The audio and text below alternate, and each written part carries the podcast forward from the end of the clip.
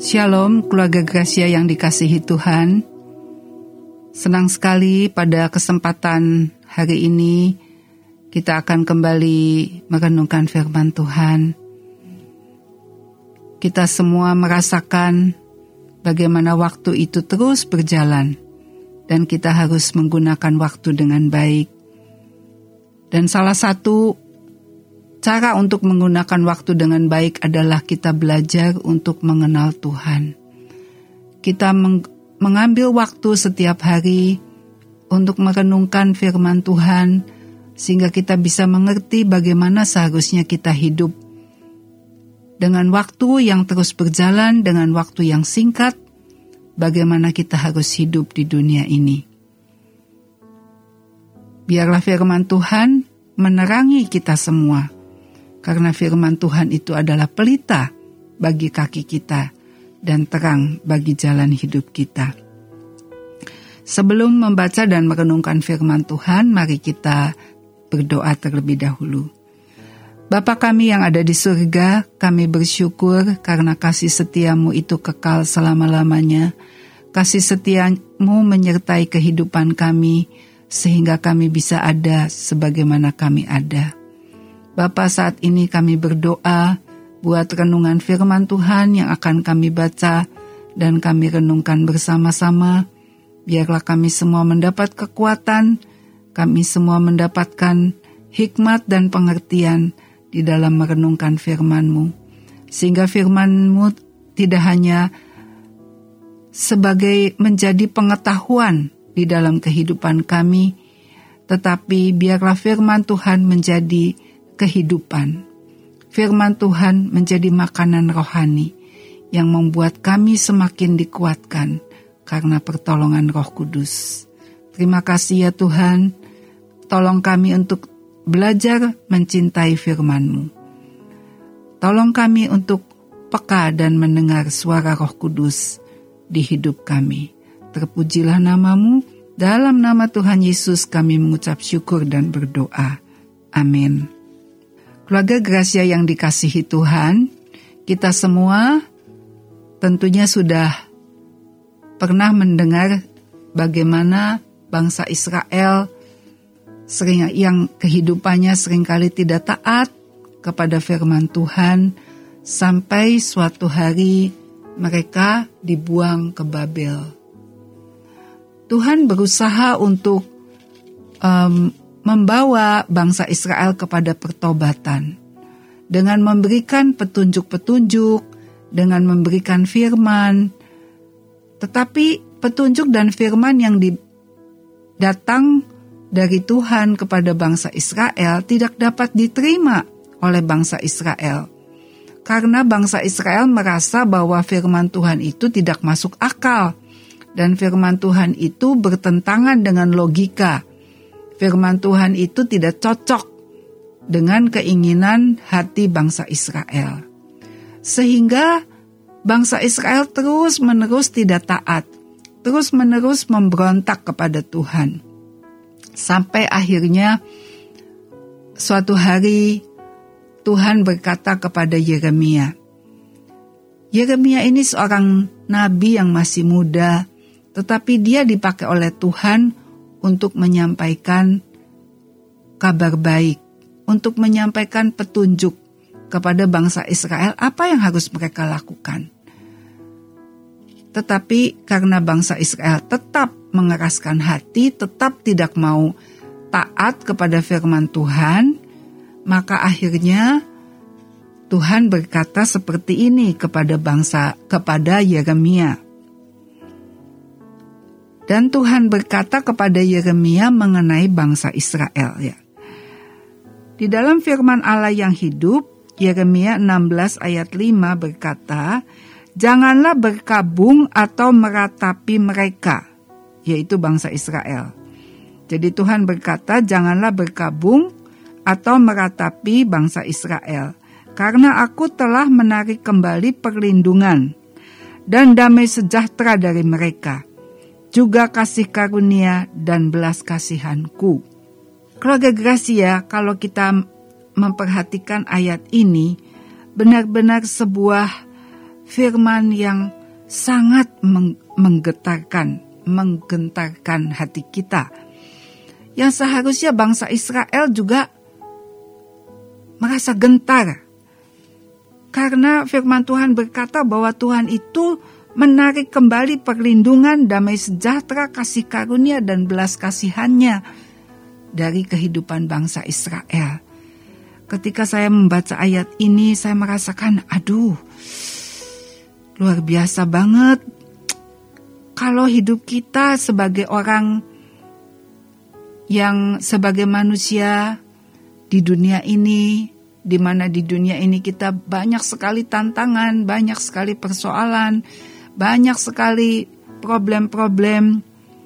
Betapa kita membutuhkan pertolongan Tuhan.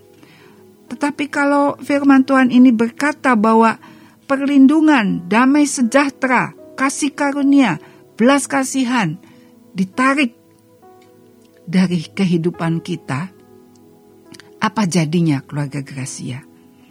Saya merenungkan ini dan saya merasakan, oh, kalau kita semua bisa ada sampai hari ini kalau kita semua bisa menikmati kehidupan yang baik, kalau kita bisa bersuka cita, dan kita bisa menikmati kasih sayang di dalam keluarga, kita bisa menikmati fellowship, persekutuan dengan saudara-saudara seiman, kita bisa punya relationship, hubungan dengan sesama manusia. Itu semua karena berkat Tuhan. Dan berkat Tuhan di sini dinyatakan dalam bentuk empat hal ya. Kalau kita perhatikan ayat tadi, Yeremia 16 ayat 5, ada empat bentuk berkat Tuhan yang ajaib yang membuat hidup kita itu bisa dalam keadaan baik sampai hari ini. Yang pertama yaitu perlindungan, yang kedua damai sejahtera, yang ketiga kasih karunia, yang keempat belas kasihan. Empat hal inilah yang membuat hidup kita bisa dalam keadaan baik. Tetapi kalau kita hidup kita memberontak, kalau hidup kita tidak taat kepada firman, dan kita hidup semau kita sendiri, kita lebih memilih keinginan kita daripada kebenaran firman Tuhan, maka kita akan mengalami seperti bangsa Israel, di mana keempat hal itu ditarik dari hidup kita. Wah, celaka kita keluarga Gracia. Karena itu pada kesempatan sore hari ini, marilah kita mempelajari apa sih empat hal yang kita butuhkan dalam hidup kita untuk kehidupan kita ini menjadi kehidupan yang baik, kehidupan yang penuh sukacita, kehidupan yang penuh berkat, di mana kita bisa melewati hari-hari ini dengan kenikmatan, dengan sukacita, dengan hidup kita ini bisa menjadi berkat buat orang lain. Yang pertama kita membaca dari Mazmur 94 ayat 22. Firman Tuhan berkata, "Tetapi Tuhan adalah kota bentengku, dan Allahku adalah gunung batu perlindunganku. Ayat ini dikatakan oleh Raja Daud. Raja Daud menyadari bahwa kehidupannya selalu berlindung di bawah gunung batu. Allahnya yang disembah oleh Daud dia menggambarkan Allahnya yang dia sembah itu sebagai kota benteng dan gunung batu. Kita semua tahu kalau kota benteng adalah tempat di mana zaman dulu kalau orang berperang biasanya berlindung di dalam kota benteng. Karena kalau sudah ada di kota benteng rasanya aman. Karena kita bisa menyerang musuh, tetapi kita tidak akan eh, eh, serangan-serangan dari musuh tidak akan mengena kedap kepada hidup kita karena kita ada di kota benteng. Ya, jadi kota benteng itu benar-benar sebuah tempat yang aman, tempat yang nyaman, ya, di mana musuh-musuh tidak bisa, serangan-serangan musuh tidak akan mengena dalam kehidupan kita. Karena itu kalau kita menjadikan Tuhan itu perlindungan kita, kita itu seperti ada di kota benteng, di mana serangan-serangan daripada musuh kita, kuasa-kuasa kegelapan, sekalipun musuh-musuh kita itu menyerang kita, tetapi kita tidak akan kena karena kita menjadikan Tuhan itu kota benteng dalam kehidupan kita. Bukankah setiap hari banyak sekali serangan-serangan yang kita hadapi? Mungkin kita bisa uh, tiba-tiba punya pikiran, aduh bagaimana kalau terjadi saya sakit atau bagaimana kalau jualan uh, usaha saya ini akan mengalami kerugian. Bagaimana kalau nanti ada orang yang mau menipu? Bagaimana kalau nanti ada kuasa-kuasa kegelapan yang mau mencelakakan hidup saya? Kita bisa mempunyai pikiran-pikiran seperti itu. Tetapi jikalau hidup kita berpegang kepada firman, maka kita tahu bahwa serangan-serangan itu bisa kita bisa kita mempunyai perisai yang akan menahan serangan-serangan itu. Ya, itulah artinya Tuhan itu kota benteng dalam kehidupan kita. Mari kita mengaktifkan setiap kali kita mengalami hal-hal yang menakutkan, yang membuat kita khawatir, yang membuat kita seperti hilang kekuatan atau kita merasakan tidak berdaya. Di saat-saat seperti itu, mari kita ingat bahwa Tuhan itu adalah kota benteng. Kita berlindung di dalam kuasa darah Yesus. Kita berlindung di dalam firman-Nya. Kita berlindung di dalam naungan Roh Kudus. Itu adalah kekuatan kita, ya. Janganlah kita memberontak. Kalau kita memberontak, maka perlindungan itu akan diangkat dari hidup kita dan pastilah kita akan celaka. Ya, jadikan Tuhan itu sebagai kota benteng tempat kita berlindung. Dengan kita ingat bahwa ada darah Yesus yang mengampuni dosa kita. Ada darah Yesus yang membungkus kita. Ada firman yang menjadi pedang roh bagi kita untuk melawan serangan-serangan daripada kuasa kegelapan, serangan-serangan dari pikiran-pikiran yang negatif, dari perasaan-perasaan yang tidak enak. Kita bisa ambil firman dan kita perkatakan, maka firman yang kita ucapkan itu akan menjadi seperti pedang yang mengalahkan serangan-serangan musuh. Ya. Karena itu betapa pentingnya baca Alkitab, dan pegang firman Tuhan. Hafalkan ayat-ayat yang pernah menyentuh hati kita. Ayat-ayat yang menguatkan iman kita, itu harus kita hafalkan. Karena saat serangan itu datang, maka kita ucapkan firman itu dan kita berlindung di dalam kuasa darah Yesus. Lalu firman Tuhan juga berkata, Allahku adalah gunung batu perlindunganku. Keluarga Gracia, saya pernah mendengar seorang hamba Tuhan menceritakan bahwa kelinci-kelinci dan binatang-binatang kecil di hutan, ketika hujan datang, ketika badai, angin ribut terjadi di hutan, maka binatang-binatang kecil, binatang-binatang yang tidak berdaya itu berlari masuk kepada goa-goa dari gunung batu. Karena itulah tempat yang aman, di mana badai yang sedang mengamuk itu tidak akan menyerang, tidak akan mengena kepada binatang-binatang kecil ini. Mereka akan merasa di dalam di dalam gunung batu itu ada terasa hangat, bisa merasa aman, bisa terhindar dari angin ribut. Jadi keluarga Gracia, benar-benar kita membutuhkan Tuhan sebagai tempat perlindungan kita. Itu yang harus kita sadari.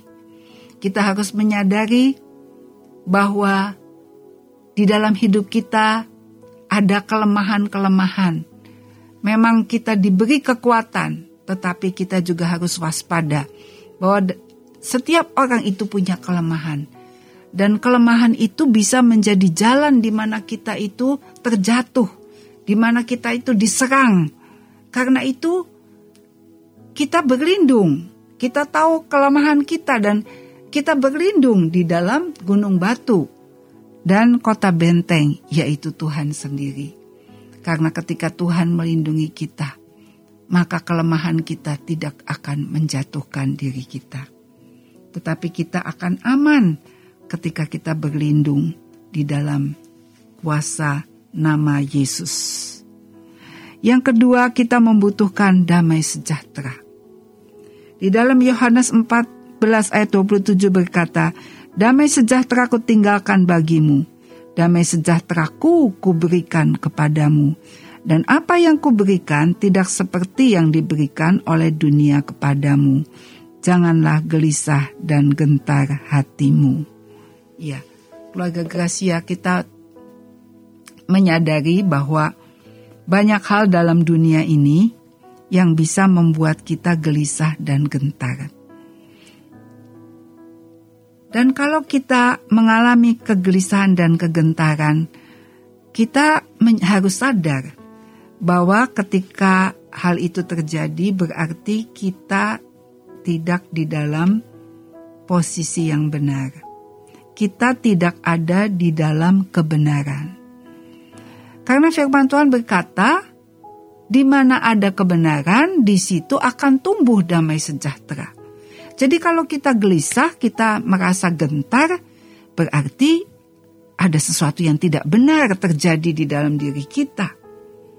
Karena itu kita cepat datang kepada Tuhan, kita berseru kepada Tuhan dan bilang, Tuhan, kok saya nih nggak sejahtera ya?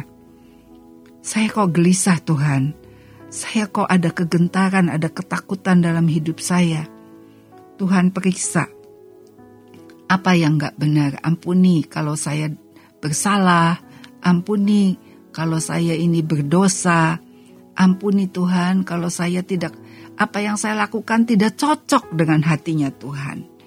Ketika kita minta dikoreksi, ketika kita minta di, diperiksa, diselidiki oleh Tuhan, maka Roh Kudus akan memberitahukan apa sih kesalahan kita? Apa yang tidak benar? Apakah ada dosa? Ada mungkin kita melanggar firman Tuhan? Mungkin jalan kita sedang tersesat? Atau mungkin kita punya pikiran-pikiran yang tidak tidak benar sehingga pikiran itu tidak cocok dengan pikiran Tuhan, jadi hati kita tidak ada damai. Ya. Kalau kita sudah kembali kepada posisi yang benar, maka damai sejahtera itu pasti akan kembali dalam hidup kita. Ya. Jadi damai sejahtera itu adalah tolok ukur.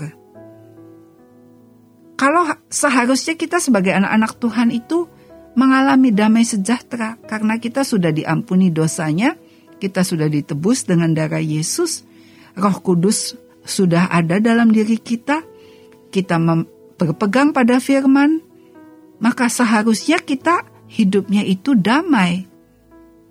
Maka kalau ada kegelisahan dan gentar, berarti ada sesuatu yang tidak beres.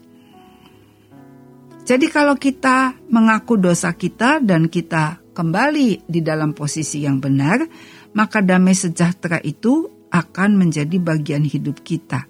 Sebab firman Tuhan berkata damai sejahtera ku tinggalkan bagimu jadi ketika Tuhan Yesus datang ke dunia ini, berita Natal juga adalah berita damai sejahtera.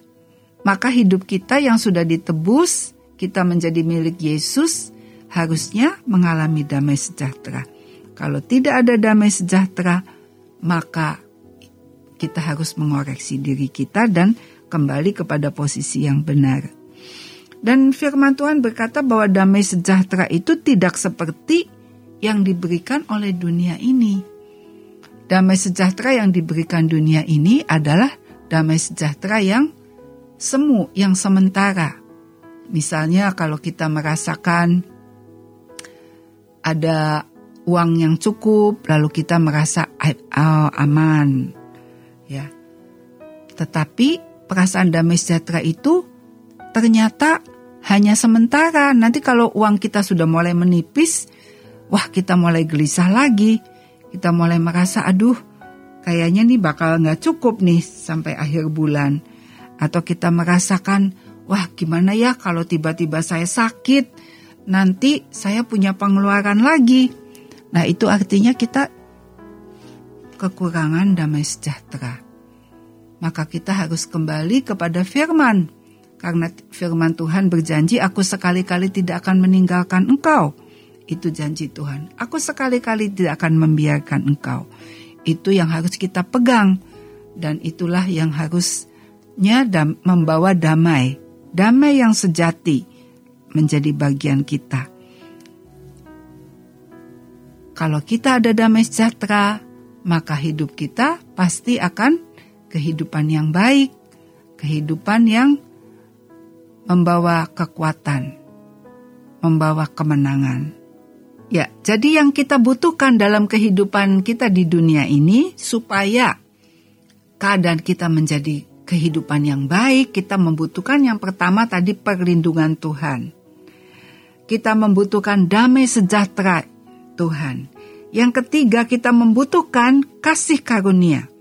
1 Petrus 5 ayat 10 tertulis, Dan Allah sumber segala kasih karunia yang telah memanggil kamu kepada Kristus, yang telah memanggil kamu dalam Kristus kepada kemuliaannya yang kekal, akan melengkapi, meneguhkan, menguatkan, dan mengokohkan kamu sesudah kamu menderita seketika lamanya.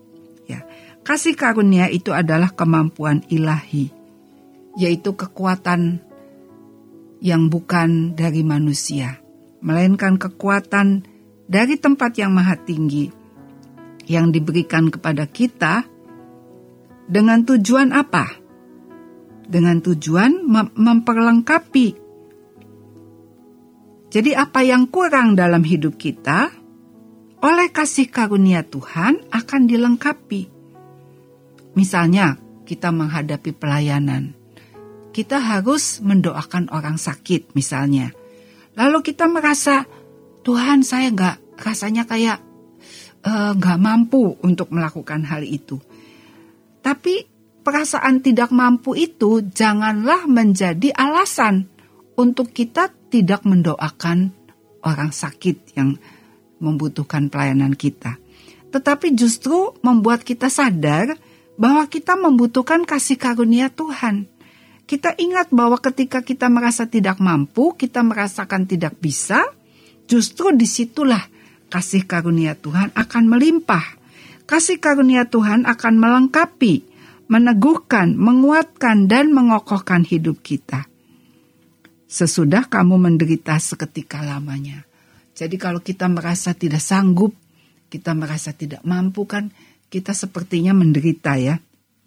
Tetapi kalau kita ingat bahwa ada kemampuan ilahi yaitu kasih karunia Allah yang menopang kehidupan kita, maka kita yang tidak mampu ini menjadi mampu.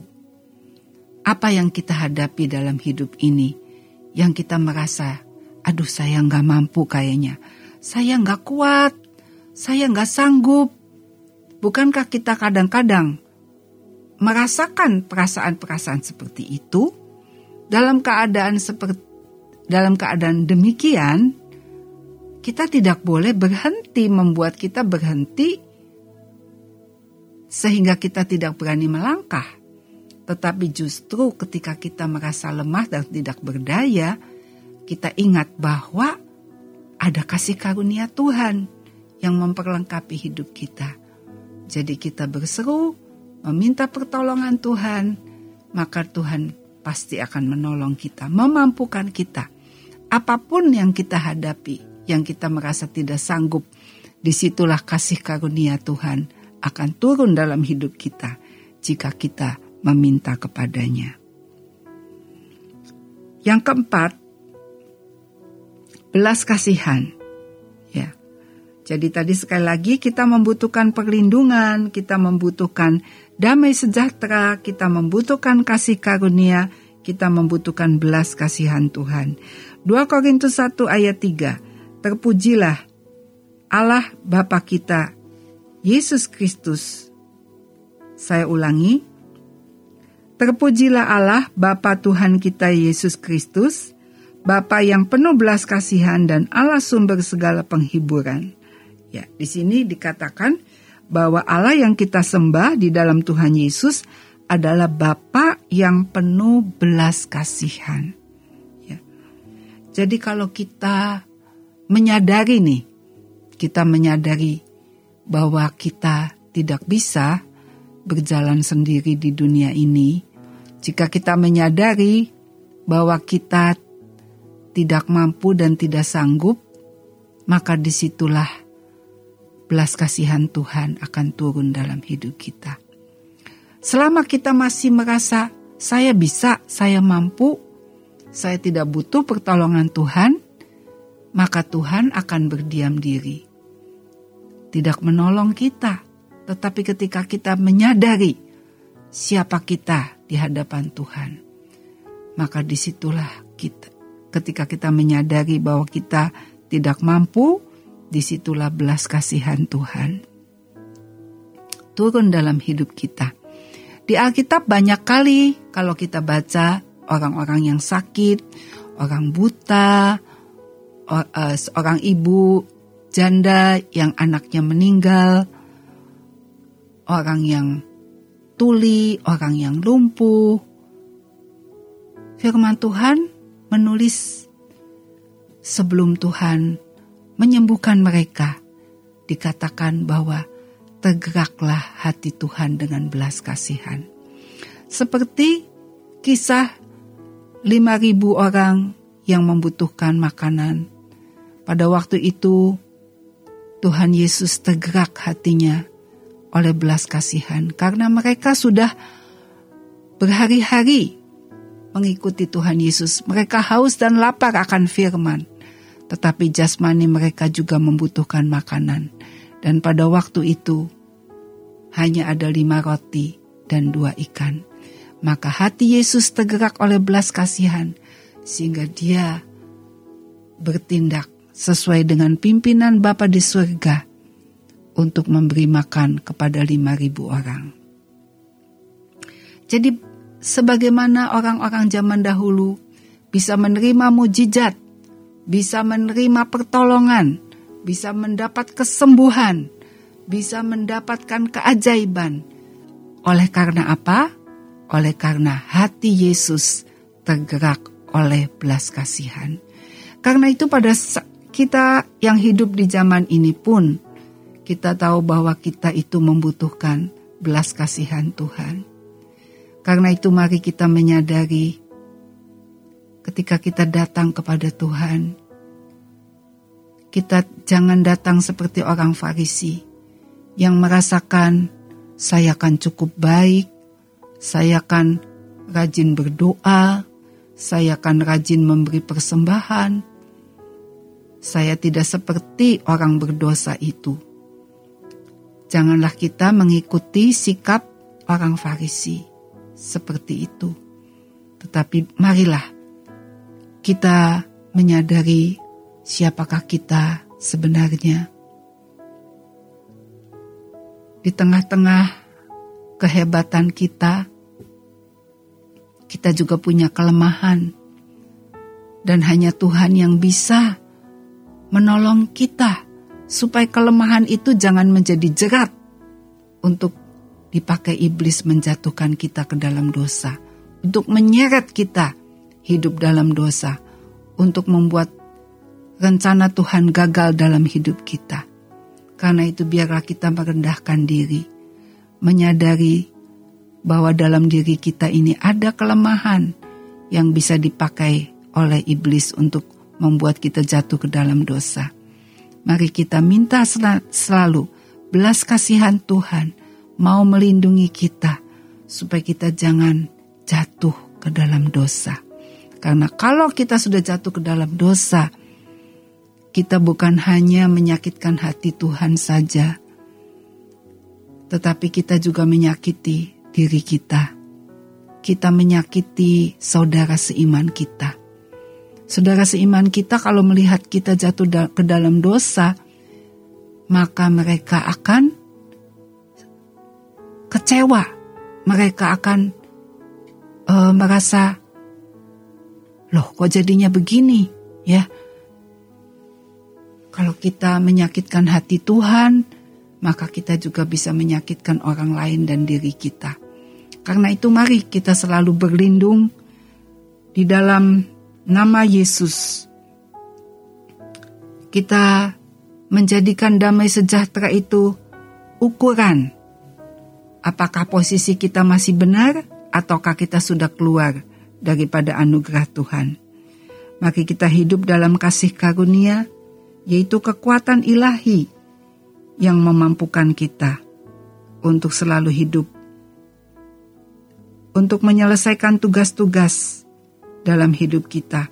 Kasih karunia itulah yang melengkapi dan memampukan kita untuk bisa melayani sampai garis akhir. Dan juga belas kasihan Tuhan, pertolongan Tuhan kita selalu nanti-nantikan.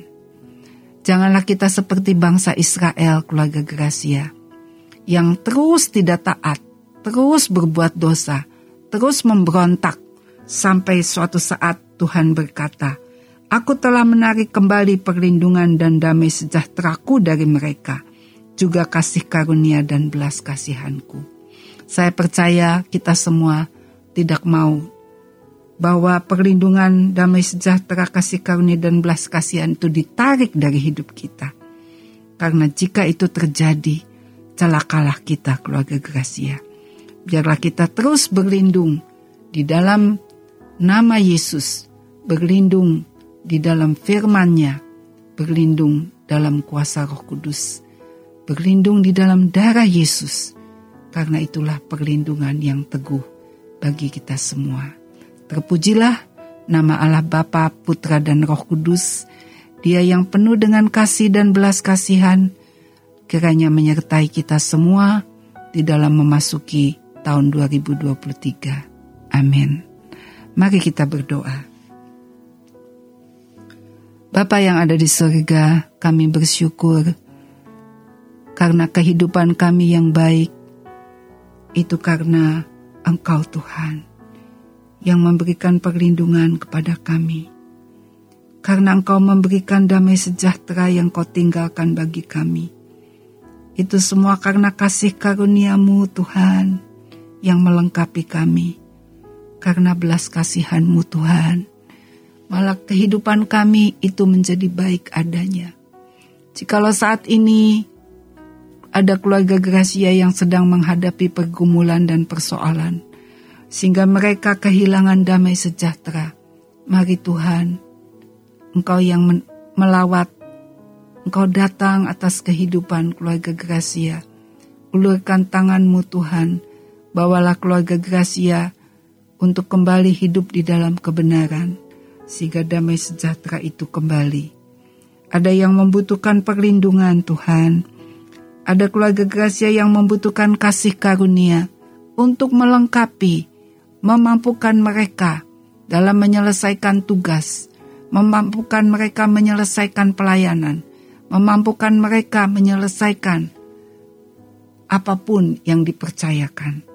Tuhan biarlah kasih karuniamu turun atas mereka. Keluarga Gracia yang membutuhkan belas kasihan, pertolongan.